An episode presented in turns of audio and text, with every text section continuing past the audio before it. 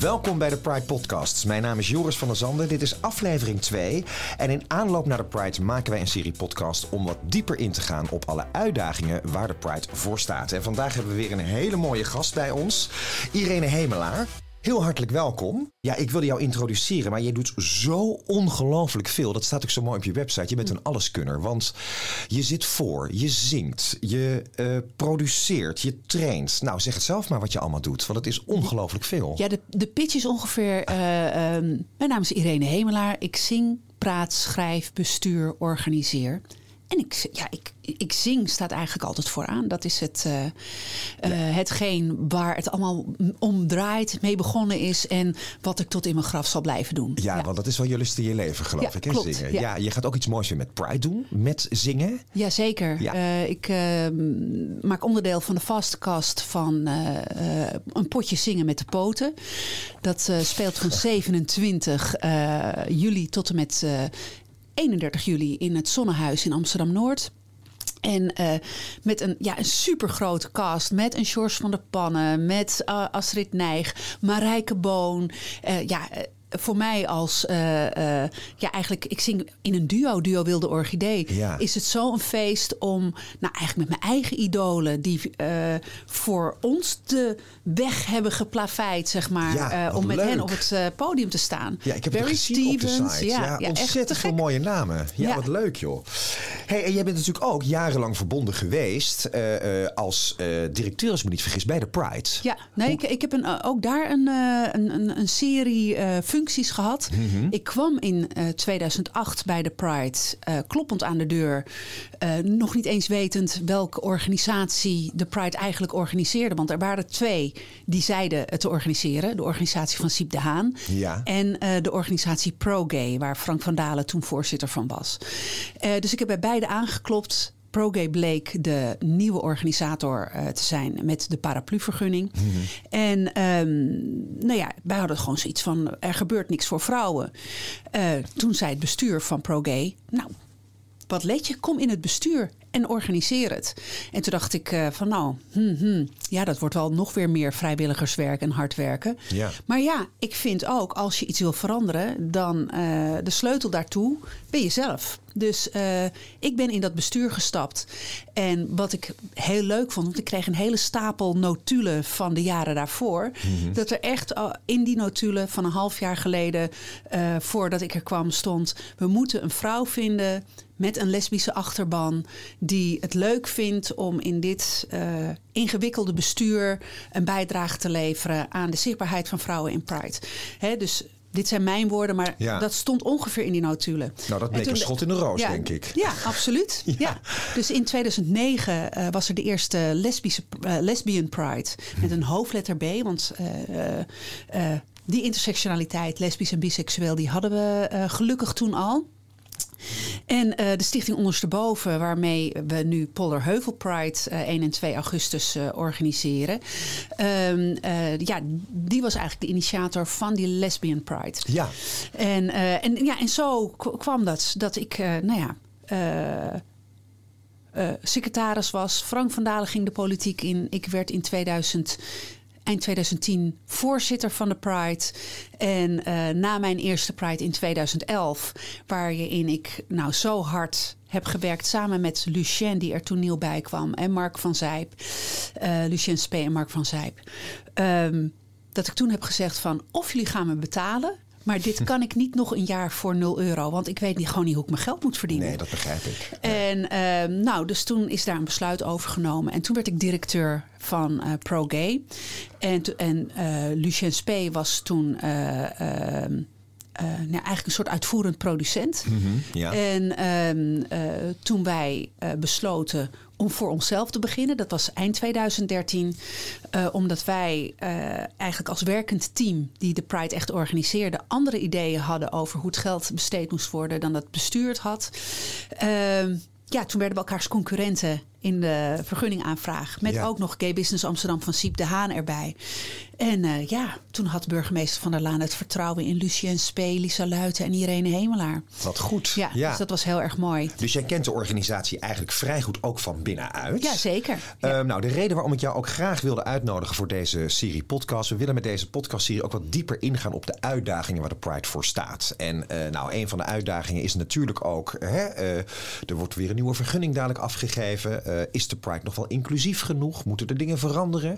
Eh, nou, een van de dingen die natuurlijk tot uiting zijn gekomen onlangs is eh, het rapport. eh, waar ook een klankbordgroep bij aanwezig is geweest. Ik geloof in opdracht van de gemeente. Dat klopt. ja. Ehm, En wat mij daar zo aan fascineerde is, nou, eh, eh, ehm, de vraag die het bij mij opriep. Waar moeten we naartoe met z'n allen? Dat is feitelijk de vraag. Want het is eh, eh, een heel vrij kritisch rapport. Ik- hoe kijk jij daarnaar? Hoe... Ehm, eh, het is een kritisch rapport in de zin van dat er een beeld bestaat over de Pride-organisatie. Dat het, ehm, eh, nou, laten we zeggen, er gaat veel geld naartoe. Het is heel commercieel. Ehm, eh, gemarginaliseerde groepen worden niet gezien. Het is heel. Eh, bijna zwart-wit zou ik willen zeggen. Ja. Ehm, terwijl er veel nuances eh, zijn. En als je eh, als we bijvoorbeeld kijkt naar nou, toen Lucien en ik in 2011 eh, samen begonnen. En ehm, eh, Lucien op een gegeven moment bedacht van... is het niet leuk om met ambassadeurs te gaan werken? Hè, dus nou ja, volgens mij was het eh, 2013 dat we voor het eerst ambassadeurs hadden. Hans Verhoeven was een ambassadeur. In 2014 kwam volgens mij Siep de Haan daarbij. Eh, eerst hadden we drie ambassadeurs per jaar. Maar dus als je kijkt op de website van Pride Amsterdam... en ziet Absoluut. hoeveel ambassadeurs en uit hoeveel ehm, nou, genders... uit hoeveel eh, culturele achtergronden... eh, bepaalde religies eh, Ja. die mensen hebben... Zeker dit jaar, hè, denk ik, met het thema My Gender, My Pride. Ja, een nou mooi dus- palet aan ambassadeurs. Ja, maar dus al- als je kijkt naar de ontwikkeling daarin, dan zie je van nou, een bepaalde inclusie, die was er echt wel al. Alleen, ehm, Pride keek toen ik eh, opkwam voor de lesbi- lesbiennes en de biseksuele vrouwen met Lesbian Pride, met de eerste in 2009. Toen werd mijn rol ook van, ik wil dat de Pride inclusief is voor biseksuele mensen, voor transpersonen, voor mensen met een intersexe conditie. Ja. En dat was zeg maar, eh, ik werd, hè, Lucien werd bij eh, de Stichting Amsterdam Gay Pride, wat nu Pride Amsterdam heet, de algemeen directeur. Ja. En ik was de directeur LHBTI Emancipatie. Het was mijn taak om ervoor te zorgen dat iedereen zich eh, fijn voelde bij Pride en Ja. onderdeel voelde uitmaken van Pride. En eh, toen ik vertrok in 2016, eh, toen was er al een soort van sluimering van grote groepen in Amsterdam die eh, zich door de gemeente niet gezien voelden in beleid. Ja. En, ehm, eh, en kijken naar een organisatie als de Pride, dan zien zij, of zagen zij hetzelfde wat veel anderen zien: een botenparade, Ja. een, een soort van kliek rondom die organisatie die leuk op een VIP-tribune staat, et cetera. En eh, nou, die enorme commercie van die botenparade.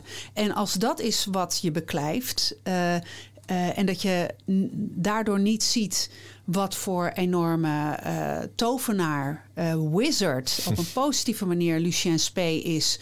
eh, waar het gaat over geld werven Ja. uit sponsor, van sponsoren om een senior pride mogelijk te maken. Om kleine initiatieven, zoals ook dit jaar Polderheuvel Pride, om daar wat geld in te kunnen stoppen, zodat dingen mogelijk gemaakt worden. Ja, en dat het ook veel breder is dan alleen Ja. die botenparade. Hè? We hebben het over een evenement van negen dagen. Is ook niet lang altijd bij iedereen bekend. Misschien Nee. wel binnen de community, maar daarbuiten misschien ook eh, Ja. niet. Wat ik me dan afvroeg, eh, wat je net zei. Hoe komt het dan dat in die beeldvorming dat zo zwart-wit wordt neergezet? Eh, hebben mensen dan, dan te weinig kennis van zaken? Of Ehm, waar komt dat vandaan? Ik denk dat eh, eh, eh, als je jong bent. Eh, en je, zeg maar, je bent nu 19, 20 jaar en eh, eh, je komt uit de kast of je gaat hier studeren en je maakt kennis met Pride, dan zie je dus wat er nu te zien is. Ehm, en dan die bootparade komt altijd op de tv. Ja. Zelfs bij het Jeugdjournaal is dat geweest. Hè? Dus dat er kinderen worden geïnterviewd. Wat vind je hier nou van? Ehm, eh, al die kleine dingetjes, die, daar, dan moet je een beetje naar. eh, en kleine dingetjes, dat is relatief natuurlijk. Maar ten opzichte van die enorme eh 600.000 bezoekers botenparade. Daar moet je een beetje naar op zoek. En Ja. dan ga je naar zo'n agenda op Pride Amsterdam. En dan moet je zoekwoorden intikken. En eh, nou ja, dan kom je waar je wezen wil. Hè? Dus dan vind je activiteiten voor vrouwen of specifiek gericht op mensen van kleur. Ehm, Dus mensen zoeken eigenlijk niet goed genoeg. Is dat nou dan... ja, het, eh, eh, en eh, wat ook een rol speelt, en dat vond ik mooi toen wij startten met Lesbian Pride. Mhm. Want wij waren 35-plussers, de groep die dat startte. Een groep dames die met de Gay Games in 1998 actief waren geweest. Die eh, bij hun reunie tien jaar later besloten: wij moeten iets met die Pride, want het is veel te veel op mannen gericht. Mhm. En ik kwam dus vanuit Stichting Ondersteboven. Dus met drie vrouwen zijn we eigenlijk dat gaan veranderen. Ja. Maar op het moment eh, dat wij dat gingen doen en dingen gingen organiseren, was er een hele grote groep jonge meiden die zoiets hadden van boring. wij gaan onze eigen activiteiten. We gaan een, een, een porno, vrouwen-pornoavond organiseren in Club Church. In dat jaar brandde Club Church uit. Dus dat ging toen plaatsvinden bij COC Amsterdam, nog aan de Rozenstraat. maar je moet ik, ja, ik hou er dus van. Je organiseert iets en dan kan je er tegen zijn. En dan kan je iets doen wat je zelf belangrijk Ja. vindt. En dat zie ik nu ook. Als je kijkt naar hoe Pride nu is.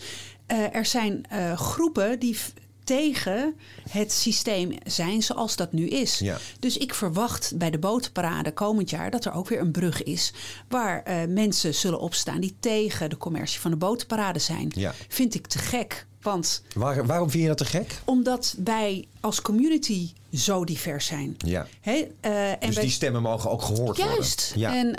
eh, eh, graag ook in een Pride Walk.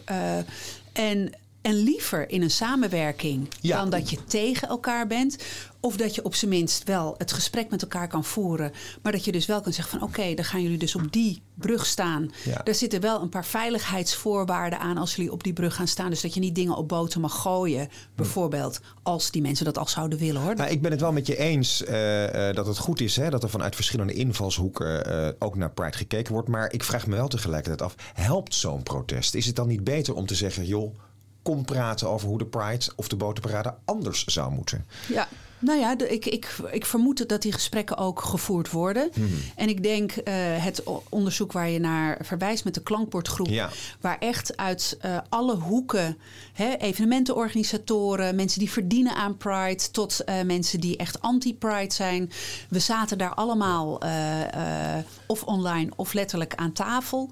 Ehm, dus alle stemmen eh, Ja. zijn gehoord. En daarom, eh, het verslag van die gesprekken is daarom ook eigenlijk... eh, ja, daar kan je niet één lijn uithalen. Nee.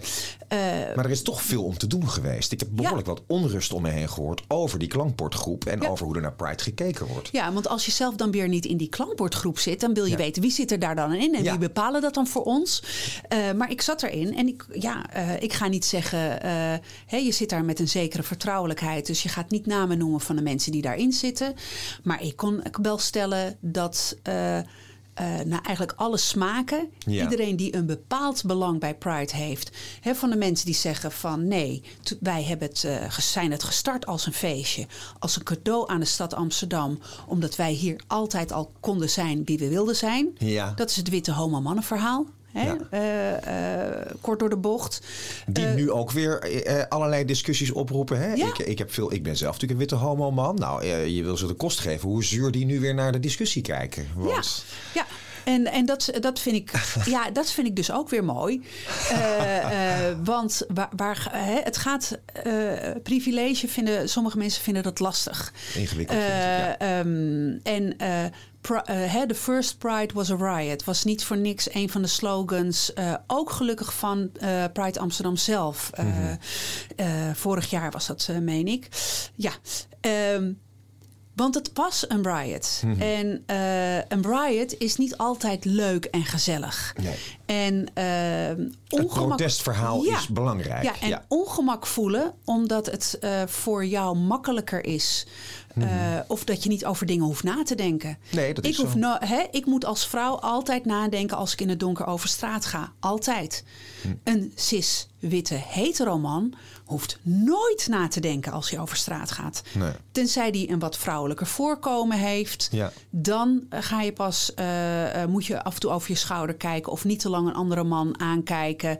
Ja. Uh, want dan zou dat gevaarlijk kunnen zijn. Maar als meisje, zodra je tietjes krijgt, leer je dat je voorzichtig moet zijn op straat. Ja. En dat het eigenlijk niet zou moeten zijn, maar dat je wel zelf verantwoordelijkheid mo moet nemen om niet uh, uh, grensoverschrijdend gedrag mee te maken. Als, als homo-mannen gebeurt dat pas later op het moment dat je uit gaat gaan. Uh, dan ga je merken van hé, hey, er wordt anders naar mij gekeken. Ja. Of ik zoen met een andere man op straat. Dat roept agressie op. Ehm, dus je bent niet zo gecultiveerd, je bent niet zo opgegroeid. En daarom denk ik van nou, hè, als. Denk jij dat mensen dan ook het te persoonlijk maken als er ergens staat van jullie zijn gepri uh, geprivilegeerd? Ja, het gaat, het gaat over structuren. Ja, hè? ja. En sommige mannen die uh, kunnen als individu echt een exemplarisch voorbeeld zijn van die structuur. Mm -hmm. uh, maar het is een structuur. Dus als. Uh, en het gaat er ook om, uh, over om te leren ik ben ook geprivilegeerd als uh, uh, nou, witte 50-plus uh, lesbienne... die komend uit een arm gezin met een vader in de WHO... en een moeder die huisvrouw is met vier oudere broers... die nu in een vrijstaand huis aan de rand van Amsterdam in het groen woont. Ja. Hè, dus die een opleiding heeft kunnen doen ik ben hartstikke geprivilegeerd. Ja. En het is soms niet leuk als je daarop wordt aangesproken van... want ja, ik heb toch ook kanker gehad.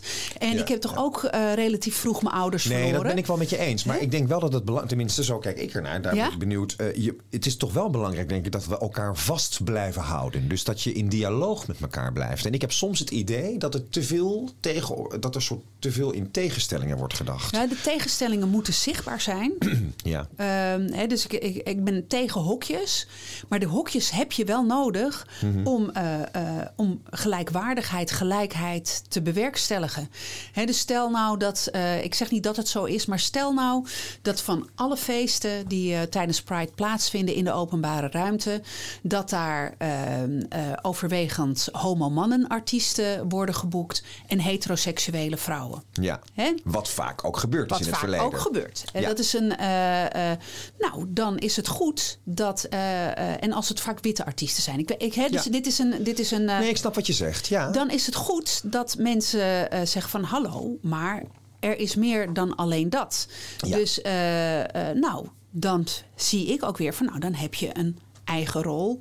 Uh, als jij dat wil veranderen, waar, zijn, waar zijn al die Ja. non-binaire en lesbische artiesten? Nou, dan? het is ook een ontwikkeling, denk ik. Want Ja. ik hoor je dat nu net zeggen en ik dacht... eh, Pas in 2009, dat is het rare. Dan kom je er zelf achter hoe geprivilegeerd je bent. Ja. Ik heb altijd, hè, eh, toen ik in Amsterdam kwam wonen, de Pride van ons allemaal gezien. Ja. Maar ik ben natuurlijk geen lesbische. Ik ben niet lesbisch, ik ben geen vrouw. Nee. Dus ik heb nooit de associatie gehad met dat die Pride er voor vrouwen niet zou zijn. Ik vind Uh, 2009. Mager, heel mager. Dus, Ja. uh, uh, uh, want ere wie ere toekomt, Mieke Martelhof van de Vive la Vie... Die heeft wel al die altijd- straatfeesten bij die, haar. Die deed al, altijd wel iets, maar een SM-feest voor vrouwen. Uh, nou ja, dus die jonge meiden die de, de pornoavond, uh, feministische pornoavond wilden. Uh, maar ook lesbiennes die een, een, een, willen gaan wandelen. Ja. Hè, dus die activiteiten ontplooien die voor en door vrouwen zijn, dat was er niet. Nee. En dat is toen gestart. En dan kan je wel zeggen, ja, wandelen, dat is suf. Nou, ja. als je met twintig mensen wandelt, heb je toch een succes. Dat is Ja. toch leuk? En dan heb Ja. je ontmoeting. En zo kijk ik naar Pride. Mhm. Uh, dus uh, als al, ja, hè, ook zo kijk ik bijvoorbeeld ook naar Polderheuvel Pride. Mhm. We hopen dat er uh, op zo'n dag, over zo'n hele dag, dat er zo'n 500 mensen langs zullen komen. Maar misschien komen er maar 10. Ja. Nou ja, dan weet je dat ook weer. Dan blijkt er dus die behoefte niet te zijn. Dan ga je het niet meer doen. Maar zolang er een behoefte is en, en mensen maken er gebruik van, dan denk ik, dan heeft het bestaansrecht. Dus laat maar gebeuren. Dus eigenlijk zeg jij, die kritiek is eigenlijk heel goed. Ja. Uh, want daarmee houden we de zaak scherp. Ja. En uh, wordt eigenlijk de Pride-organisatie in zoverre... Nou, ja, omarmt is niet het goede woord, maar het is van ons allemaal. Dus we mogen Ja. er allemaal zijn. Ja. En al die invalshoeken zijn belangrijk. Ja, en het is natuurlijk lastig. Hè, toen we de discussie halen we gay uit de Amsterdamse Pride. ja. Hè, die, is er, die is in 2007 is die gay toegevoegd. Ja. Alleen eh, iedereen denkt, nee, het heeft altijd al zo geheten. Ik ook hoor, eerlijk gezegd. Ja. Ehm, hè, we gingen eh, Siep, eh, in tij- ten tijde van Siep de Haan, Gay Business Amsterdam, heette het Amsterdam Pride. Mhm. Toen kwam het woordje gay, werd toegevoegd omdat er een rechtenkwestie was. Mhm. Hè, dus die nieuwe pro-gay die het evenement pakte, afpakte van Gay Business Amsterdam. Hè, dus die gevechten die hadden we eh, ook toen nog. Ehm, dus gay werd toegevoegd om rechtszaken te voorkomen. ja. Eh, toen kwam er vrede, want met die nieuwe vergunning in 2014, die Lucien Spee, Lisa Luit en Irene voor Stichting Amsterdam Gay Pride kregen, daar staat ook een voorwaarde aan. Jullie gaan vrede sluiten met Siep de Haan en Gay Business Amsterdam. Want we gaan proosten op samenwerking. Ja. En dat is ook, hè, dat is ook gebeurd. Eh, die stappen zijn gezet. En, eh, en toen was het dus niet meer nodig om dat woordje gay erin te hebben. Want nou ja, ik ben lesbisch. Sommige lesbiennes vinden zichzelf gay. Moet ik ook zeggen. Eh, maar het woord En queer- bovendien, Pride Ja. gaat ons allemaal aan. Hè? En het is ook in, de, in internationale Ja. Prides, dan heb je meer ook een soort eenduidigheid dat het allemaal over, over hetzelfde gaat. Nou ja, hè, als we nu kijken naar eh, apenpokken en hoe eh, de homo-mannengemeenschap of de mannen die seks hebben met mannen weer gestigmatiseerd worden Ja. als overdrager van dat specifieke virus. Nou, wit heet word ik ervan. Ja. Ehm, eh, en dus dat zelfs een RIVM vindt dat hij daar, hè, dus dat zo'n in- instantie daarvan. Nou, zelfs een hoogleraar bij Nieuwsuur die zei... moet de Pride wel doorgaan, want er is een, is een gevaar. Wat ik nog even wilde vragen over die klankbordgroep. Ehm, is er ook met de organisatie zelf van Pride gepraat? Eh, volgens mij eh, was het de bedoeling dat Pride in eerste instantie onderdeel uitmaakte ook van het gesprek. Ja. Ehm, eh, mijn indruk, op een gegeven moment, volgens mij bij het tweede gesprek zijn ze, zijn ze er al uitgestapt als organisatie. Ook omdat het natuurlijk heel raar is om heel kritisch te kijken naar eh, hoe, de, hoe de zaken lopen. Terwijl je, eh, eh, je afhankelijk bent van die specifieke organisatie. Ja. En dan moet je gaan zeggen van ja, maar dit vind ik niet goed en dat zou anders moeten. Ik Ja. heb signalen gehoord dat sommige mensen zich daar onveilig bij zouden Ja, voelen. ja, maar Dat, dus, dat, dat is een, ook een onveiligheid. Je gaat niet zeggen als je afhankelijk bent. Maar is dat zo? Is het ook niet een beetje een gemiste kans? Nee, want met Pride Amsterdam is apart gesproken. Oh. Ja, dus eh, eh, de organisatie zelf is wel gehoord.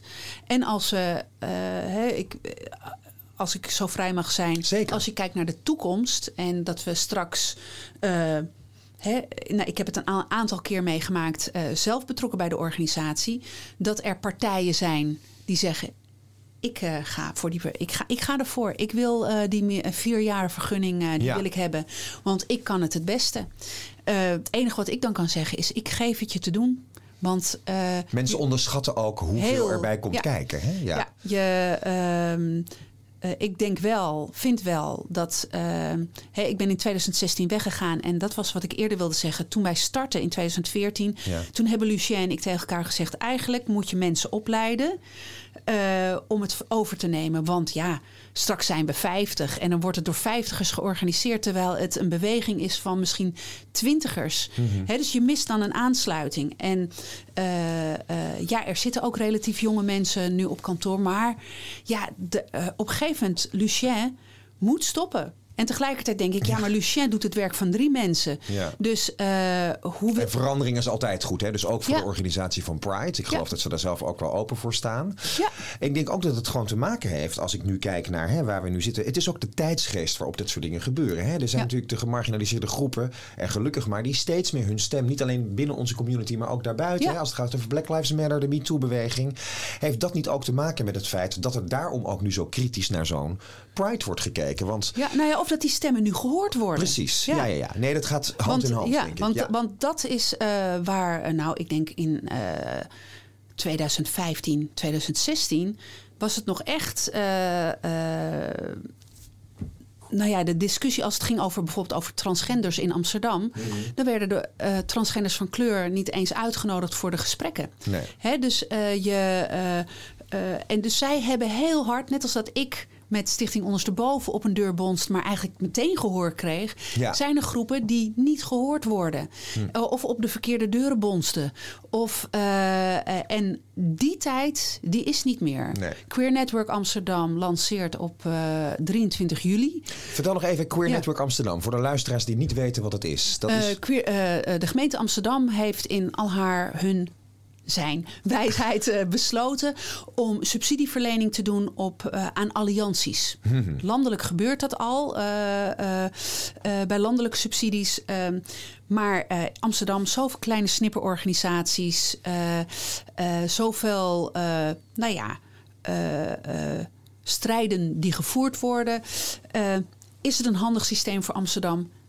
Ik vind van niet. Dus, maar waar het uiteindelijk op neerkomt, we hadden bedacht, we moeten niet gaan strijden om die subsidie. Mhm. We moeten eigenlijk met al die organisaties die zich bezighouden met zichtbaarheid en met Pride samenwerken en uh, um, ja, op die manier een verandering teweeg brengen. Ja.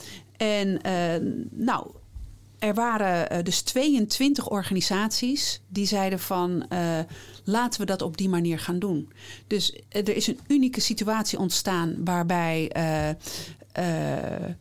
nou, mensen die ongedocumenteerd zijn vanuit hun organisatie, maar ook een stichting ondersteboven. Hè, vrouwen zijn ook nog, toch nog steeds gemarginaliseerd. Ook al ben je, maak je de helft uit van de maatschappij. maar transorganisaties, veel organisaties van kleur en en dat is allemaal in dat En wij zitten allemaal in het Queer Network Amsterdam. En wat wij willen is uh, machtsstructuren veranderen. Onze theory of change gaat erover dat de last mile first is. Dus de mensen, de groepen die de minste kansen hebben, wij vinden het belangrijk dat die vooraan staan en de meeste kansen krijgen. En wij een stapje terug doen met z'n allen, feitelijk. Ja, nou ja, en misschien financieel een stapje terug doen. Of als Irene Hemelaar een groot netwerk heeft en ergens een deur open kan doen, mhm. dat uh, je mensen uh, door die deur laat lopen. Uh, om ook een plek echt aan tafel te kunnen claimen. En uh, sommigen doen dat prima. Uh, zelf. Ja. Uh, dus er gebeuren uh, ook hier in dit pakhuis waar we zitten van alles. Op, op dat vlak. Ja. Um, hoe kijk jij eigenlijk, dat vroeg ik me ook nog even af, naar de rol van de gemeente? Want ik had vorige week Siep hier. die was behoorlijk, Siep te Haan, behoorlijk kritisch op, nou sowieso op het rapport van de klankbordgroep. Dat mag. Um, maar hij was voornamelijk vrij verbolgen over de rol van de gemeente. Hij zei de gemeente moet zich niet bemoeien met de inhoud van Pride. Hoe kijk jij daarnaar? Ik, uh, um, je hebt een partij nodig. En in dit geval is het de subsidiegevende partij. Dus ook daar zit je weer in afhankelijkheidsrelatie. Ja. Um, die um, uh, ja, wel iets mag vinden vanuit ook het eigen beleid diversiteit en inclusie. Mm als het gaat over onze community, dan heeft de gemeenteraad bepaald dat uh, voor een bepaalde periode uh, de extra focus moet liggen op mensen van kleur en transpersonen in onze community. Nou, dat moet uitgewerkt worden, ook als je kijkt naar Pride. Nou, uh, ik vind dat daar echt hard op wordt ingezet op positieve manier. Mm -hmm. Ik vind de, uh, het belangrijk dat de geluiden die nu zichtbaar worden en die misschien ongemakkelijk zijn voor de mensen die dus inderdaad altijd gewoon hun dingetje konden doen. Dat is het vooral. Hè? Het is voor veel mensen ongemakkelijk. Ja. ja. En, uh, en het is een openbaring voor mensen die niks hadden, dat die nu uh, uh, een stem hebben en ook gehoord, dat die stem ook gehoord wordt. He, want het was echt, acht jaar geleden was dat echt nog niet zo. Nee. En, uh, en de discussie, behalen gay uit Amsterdam Gay Pride. Uh, daar waren de, vooral een, een, paar lesbiennes, maar vooral heel veel homo-mannen waren daar woest over. Ja. Want uh, is het dan pride van iedereen? Ja. Uh, uh, hoe, hoezo? Ja, nee. Het nou ja, in die zin kun je ook afvragen, daar hoor ik ook links en rechts allerlei hè, verschillende invalshoeken in. Zijn we, wel, zijn we wel één community? Tuurlijk niet. Nee. We zijn net zo verschillend als de hetero's. Precies, want dat is wat mij persoonlijk altijd, nou niet irriteert, dat is een groot woord, maar ik vind het af en toe wel lastig. Ik denk, ja jongens, we, we zijn, we behoren, hè, eh, eh, eh, ten opzichte van een heteronormatieve wereld zijn we gelijk, zal ik maar zeggen. Maar we zijn natuurlijk niet één community. Nee, en dat, Ik, en dat in mijn persoonlijk leven ken ik heel weinig, ja, door mijn werk gelukkig, zeg ik, en door mijn relatie met Pride. Maar in mijn persoonlijk leven ken ik heel weinig mensen, heel weinig transpersonen, om maar eens even wat te noemen. Eh, gelukkig nu door mijn werk wel. Dus in die zin kun je eh, daar wel een discussie over voeren. Zijn we wel één community? Hè? Want Ja. er is elk jaar weer discussie ook over de letters die erbij komen. Eh, Ja. Hoe kijk jij daarnaar, naar die discussie? Volgens mij, waar, volgens mij gaat, het, gaat het erover, we zijn zo verschillend als het maar kan. Mhm. Eh, we hebben ook eh, hele enge bewegingen binnen onze eigen community. Ik eh, noem maar een roze leeuw en de turfs. Waarom En, vind je die eng? dat zijn mensen, dat zijn groepen mensen die mensen uit onze community uit uitsluiten, uit onze community willen Ja. hebben. Hè, dus eh, de radicale feministes die eh, vinden dat je alleen maar vrouw bent als je met een baarmoeder geboren bent. Mhm. Eh, dus je mag best een jurk aantrekken, maar denk maar niet dat je ooit vrouw zal worden. Mhm. Nou, dat was een soort van sneu bewegingje in het Verenigd Koninkrijk, dat inmiddels heel groot aan het worden is. Maar hoort ook bij onze community. de roze leeuw. Dan komen we bij een theorie van Poplar. Hè? Als de intolerantie Mhm. maakt dat de tolerantie verdwijnt, dan moet je een streep trekken. Ja. En ehm, eh, hè, ik ben blij dat in, bij de Pride hier in Amsterdam het standpunt is: hè, wat jij vindt dat je bent, dat ben je daar. Niemand anders gaat daarover. Nee. Eh, dat eh, zal ik ook te vuur en te zwaard, heet dat Ja, zo? te vuur en te Eh, zwaard, ja. eh, nou ja, zal ik bestrijden dat, dat mensen die vrijheid afpakken? Het gaat over vrijheid. En natuurlijk, de discussie is heel vaak waar, waar begint jouw vrijheid en, En waar waar, waar, houdt de mijne dan op? Ja. En eh, ja, een roze leeuw die we willen niet geslachtofferd worden, we willen niet dit, we willen niet dat. Ehm, en tegelijkertijd alle tools in handen hebben om, eh, hè, wat in Rotterdam Pride gebeurde een aantal jaar geleden, Ja. om de mensen van kleur, eh, dat de politie de mensen van kleur ging aanpakken, terwijl zij de boel aan het sarren waren. Ja. En dat is, eh, hè, als je maar lang genoeg eh, sneaky in iemand prikt, Ja. dan, dan wordt hij wel boos. En dan ga je dat boze ga je filmen. Ja. En, eh, Maar moet je dan ook niet juist met dit soort mensen... ik hoor heel goed wat je zegt hoor Irene... maar moet je juist niet ook dan met die mensen in dialoog blijven? Ehm, dus met sommige mensen werkt het niet om in dialoog te zijn, omdat. ehm, nou ja, misschien is een duidelijke voorbeeld viruswappies. Ja. Hè, mensen die niet in corona geloven. Eh, nou ja, het breekt hele families breekt Ja. het eh, op. Ja. Nou ja, dus, dus soms zijn dingen zo gepolariseerd. Hmm. Ehm, en eh, ja, mijn transvrienden en vriendinnen en siblings, om het maar genderneutraal te houden, die zijn wie ze zijn. En Ja. er is niemand die hè, gaat bepalen wat een ander is. Nee. En, en daar ook restricties aan gaat verbinden. Dus als jij ooit met eh, een piemel geboren bent, dan moet je naar het uh, herentoilet. Mhm. Dat gaan we bepalen op straffen van een boete of gevangenisstraf. Nou, dat, Hallo. Ja, nou, dat slaat ook nergens op. Bovendien vind ik die discussie echt achterhaald. Want ik wil hierbij in deze podcast toch wel eens even meedelen. Ook voor iedereen die luistert en je bent thuis. Thuis is je toilet altijd genderneutraal. En Ja. dat vergeten we met z'n allen. Ja. Alleen als je in een openbare gelegenheid komt, dan heb je ineens een mannetje en een vrouwtje. Terwijl als ik bij iemand op de koffie ga en ik moet daar naar het toilet, Ja. dan is er vaak maar één toilet. Dus eh, Nou, er zijn hè, de, de angst. Hè. Ik ken een vrouw die ooit verkracht is op het toilet. Mhm. Eh, maar dat komt niet voort uit eh, hè, dus de angst van dat een man zich dan als vrouw verkleedt en op het vrouwentoilet komt en dan gaat verkrachten.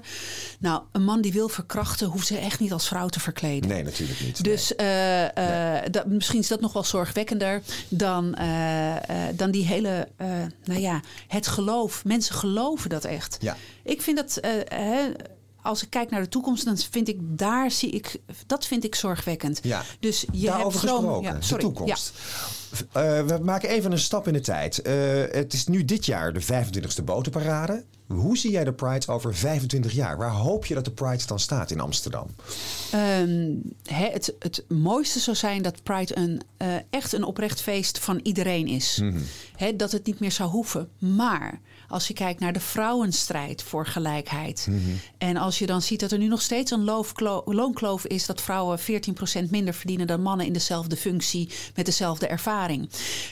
Um, dan denk ik, uh, en hè, dan denk ik dat we aan 25 jaar niet genoeg hebben om uh, die gehele inclusie te bereiken. Nee. Hè? Want ook al kunnen wij sinds 2001 uh, met elkaar trouwen volgens de wet en ook in steeds meer kerken uh, het zegen krijgen, um, toch zijn er heel veel kinderen mensen die geloven dat dat niet kan. Nee, dus het blijft een strijd. Daarom ja. is Pride denk ik belangrijk. Ja.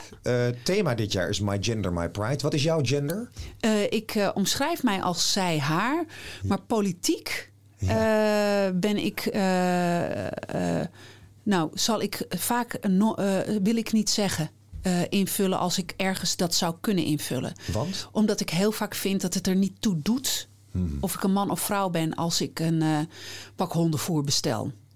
Ja, ja. Ik denk dat je daar helemaal gelijk in dus, hebt. Uh, ja. het, het, uh, en tegelijkertijd, die hokjes zijn belangrijk. Want anders kunnen we niet zien uh, of, we, of we scoren op gelijkwaardigheid. En of we scoren op die inclusie in alle lagen van waar we werken, in de politiek, et cetera. Mm -hmm. um, en tegelijkertijd, hè, mijn droom is wel dat, dat je dat, nou ja gewoon achter je kan laten van weet je nog wel toen? Toen, toen we ja. nog hè, dat thema van Pride hadden. Ja. Maar ja, ik vrees dat de polarisatie erger wordt en uh, dat uh, het uh, activisme gro groter, groter, wordt, ja. en moet blijven. En wat je in 2016 zag je minder jonge mensen dan dat je nu zit in een Pride Walk. Mm -hmm. Je ziet nu een grote beweging aan jonge mensen die het belangrijk vinden om zichtbaar te zijn. En dat, uh, nou, ik. Dat is een mooie ontwikkeling. Dat is fantastisch. Ja. En dat zag ik dus in buitenlanden bij, bij moeilijke Prides die ik bezocht. Uh, zag ik juist heel veel jongeren en weinig uh, 40-plussers. Ja. En ik denk van nou, als wij jong en oud elkaar maar vasthouden. En, uh, Precies. Nou, dat is denk ik ook ja. een prachtige afsluiting. Want we moeten alweer helaas stoppen. Want het gaat heel snel. Uh, Zo'n half uur praten met elkaar. Ik hing aan je lippen, moet ik heel eerlijk zeggen. Want je hebt zoveel kennis van zaken. En zo'n uh, gezond kritische blik, denk ik, op zowel Pride als op de community. dus heel erg dank daarvoor. maar dat vasthouden, dat voel ik ook heel erg. Dus laten ja. we elkaar vasthouden. en laten we er ook weer gewoon een hele mooie Pride van maken. Happy Pride. Ik wil je heel erg danken, Irene, voor je komst. En ik wil de luisteraar danken voor het luisteren. Volgende podcast, dan zijn we er weer. Wanneer dat is, dat zie je vanzelf. Want we gaan het weer overal bekendbaar maken via de socials. Voor nu, dank voor het luisteren. Hoi.